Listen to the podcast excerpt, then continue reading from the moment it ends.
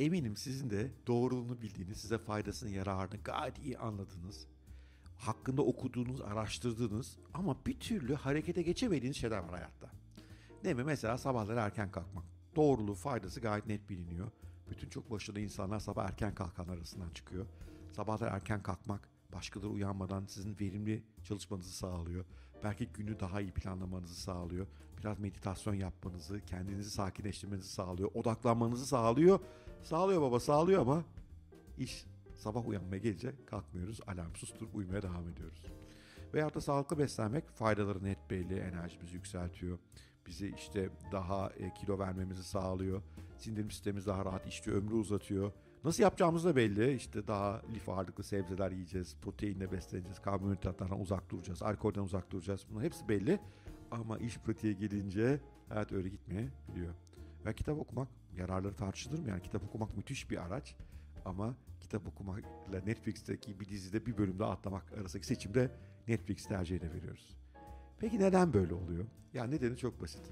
Beynimiz ikna olmuyor o değişime. Beynin rasyonel bölgesi, bu frontal korteks denir ona, o ikna oluyor, anlıyor faydasını. Yani okuyor, araştırıyor. Aptal değilseniz gayet de net faydanın ne olduğunu biliyor.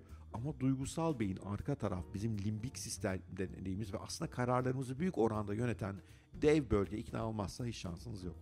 O dev bölgede değişime ikna olmayı hiç sevmiyor. Neden? Çünkü onun görevi bizi hayatta tutmak ve bugün eğer hayattaysak geçmişte ne yaptıysak doğrudur diyor. Değişime girmeyelim, değişim risktir diyor. Böyle devam edelim güvenli bölgede diyor.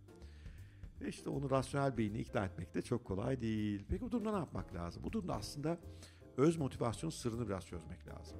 Nasıl insanlar değişim için, özellikle de zorlu değişimler için kendilerini motive ediyorlar ve çok başarılı insanlar bu öz motivasyonu nasıl yüksek tutuyorlar bir ona bakmak lazım. Bugün onu ele alacağım.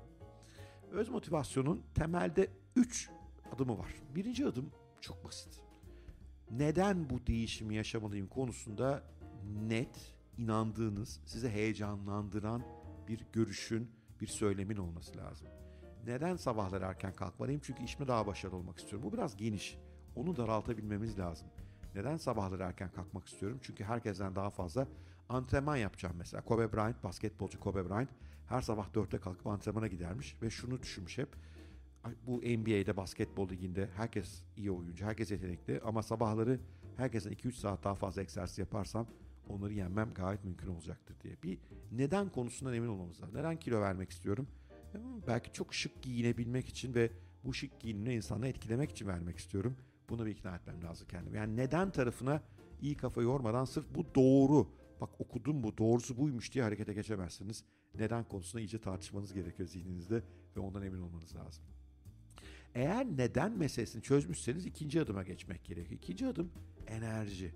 Değişmek istiyorsunuz, kafanıza da yattı, duygusal olarak da o değişime hazırsınız ama enerjiniz yok. Sabahları bir türlü enerjiyi bulamıyorsunuz çünkü gece geç yattınız.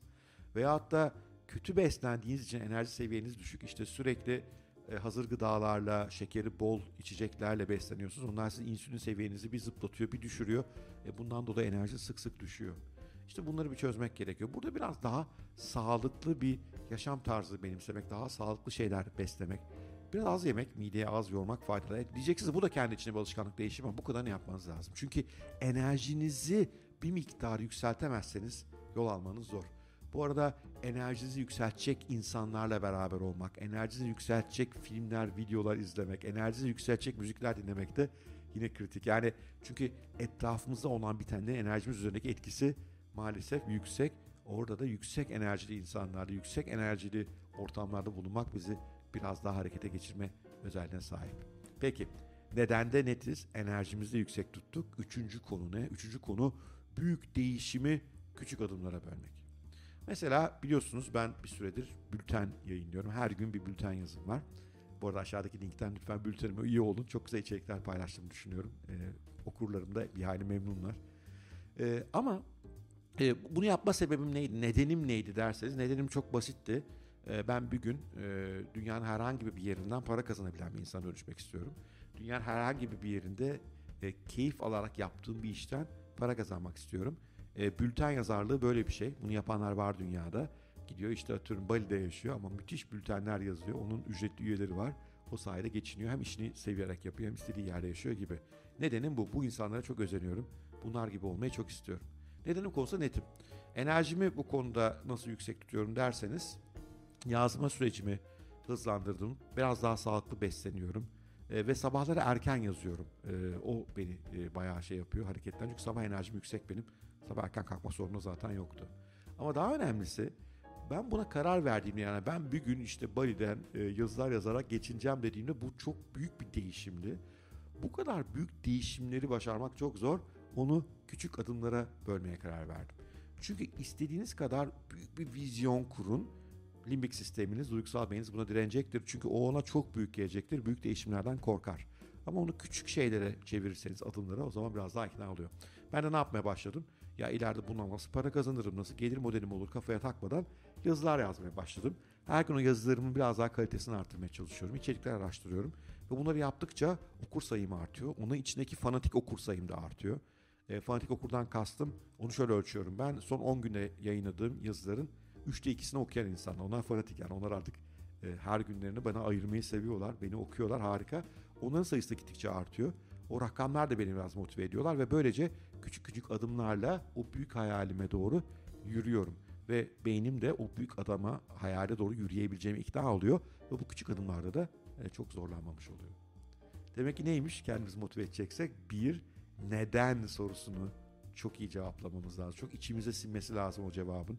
Vakit ayırmaya değer bir bölüm. İki, enerjimizi yüksek tutacak şeyler yapmamız lazım. İyi beslenme, iyi arkadaşlar, iyi içerikler tüketme gibi. Ve üçüncüsü de büyük değişimleri küçük adımlara yutulabilir, kolay ikna edebildiğimiz, asla başarısız olmayacağımız adımlara bölmemiz lazım. Yani ne demek istiyorum? Mesela ben bir gün çok sportif bir vücuda sahip olmak istiyorum diyelim. Ben istemiyorum da olmak isteyenler vardır. E, o halde şınav çekmek faydalı ama böyle oturup 30 şınav çekmek de kolay. O gün bir şınav çekin o zaman. Yarım şınav çekin ama bir tane yapın. Çünkü beyniniz o bir sınavı çekebildiğinizi görünce ki bunu herkes yapabilir. O zaman daha büyük şeyler yapacağını da ikna olmuş oluyor. Ve belki bütün bu üç adımın dışında bir konu daha var. Biraz onun üzerinde durayım e, videoyu kapatırken. O da termometre değil termostat olun. Şimdi ne demek farkı ne? Termometre biliyorsunuz işte ısıyı ölçüyor, onu bir dereceye çeviriyor ve ona bakıyoruz. Ve böylece içinde bulunduğumuz odanın kaç derece olduğunu görebiliyoruz. Ama etraf üzerinde bir etkisi yok termometrenin. Sadece etraftan gelen bilgiyi alıp onu yansıtıyor. Bazı insanlar böyleler. Etrafları üzerinde bir etkilerinin olmadığını düşünüyorlar. O gün dünyada olan bitenlerden, okuduklarından, yaşadıklarından çok etkileniyorlar ve onların bütün gününü değiştiriyor bu. Ve o zaman o harika değişimleri yapamıyorlar. Örneğin olumsuz bir haber okuyorlar, kötü moda kapılıyorlar. İşte hava o gün bulutlu oluyor, modları düşüyor vesaire. Onu aynen yansıtıyorlar. Bazıları ise termostat. Termostat biliyorsunuz o bilgiyi alıyor sonra ama etrafını ve kendisini o bilgi çerçevesine adapte etmeye çalışıyor. Önce bilgiyi alıyor sonra kendi kafasında mesela odanın 24 derece olması doğruysa odayı tekrar 24 dereceye getirmek için gerekli ayarlamaları yapıyor. Ortama ısı veriyor veya soğukluk veriyor ve ortamı tekrar toparlıyor. İşte doğru yaşam felsefesi bu eğer kendi değişim yaratacaksanız. Çünkü hep sizi engellemek isteyecek şeyler olacak. Hep böyle bazı şeyler moralinizi bozacaklar, yavaşlatacaklar sizi o durumlarda. Lütfen termometre gibi o değil, o dışarıdan gelen kötü faktörleri hayatınızda olduğu gibi yansıtmayın. Bir termostat gibi etrafa adapte olmanın ve etrafı size adapte etmenin yollarını araştırın. Evet, her zamanki gibi umarım bugünkü içerik hoşunuza gitmiştir. Gitmişse bir like edin, bir yorum yapın. Bir de bültenime üye olun. Orada da görüşürüz. Hoşçakalın, sevgiler.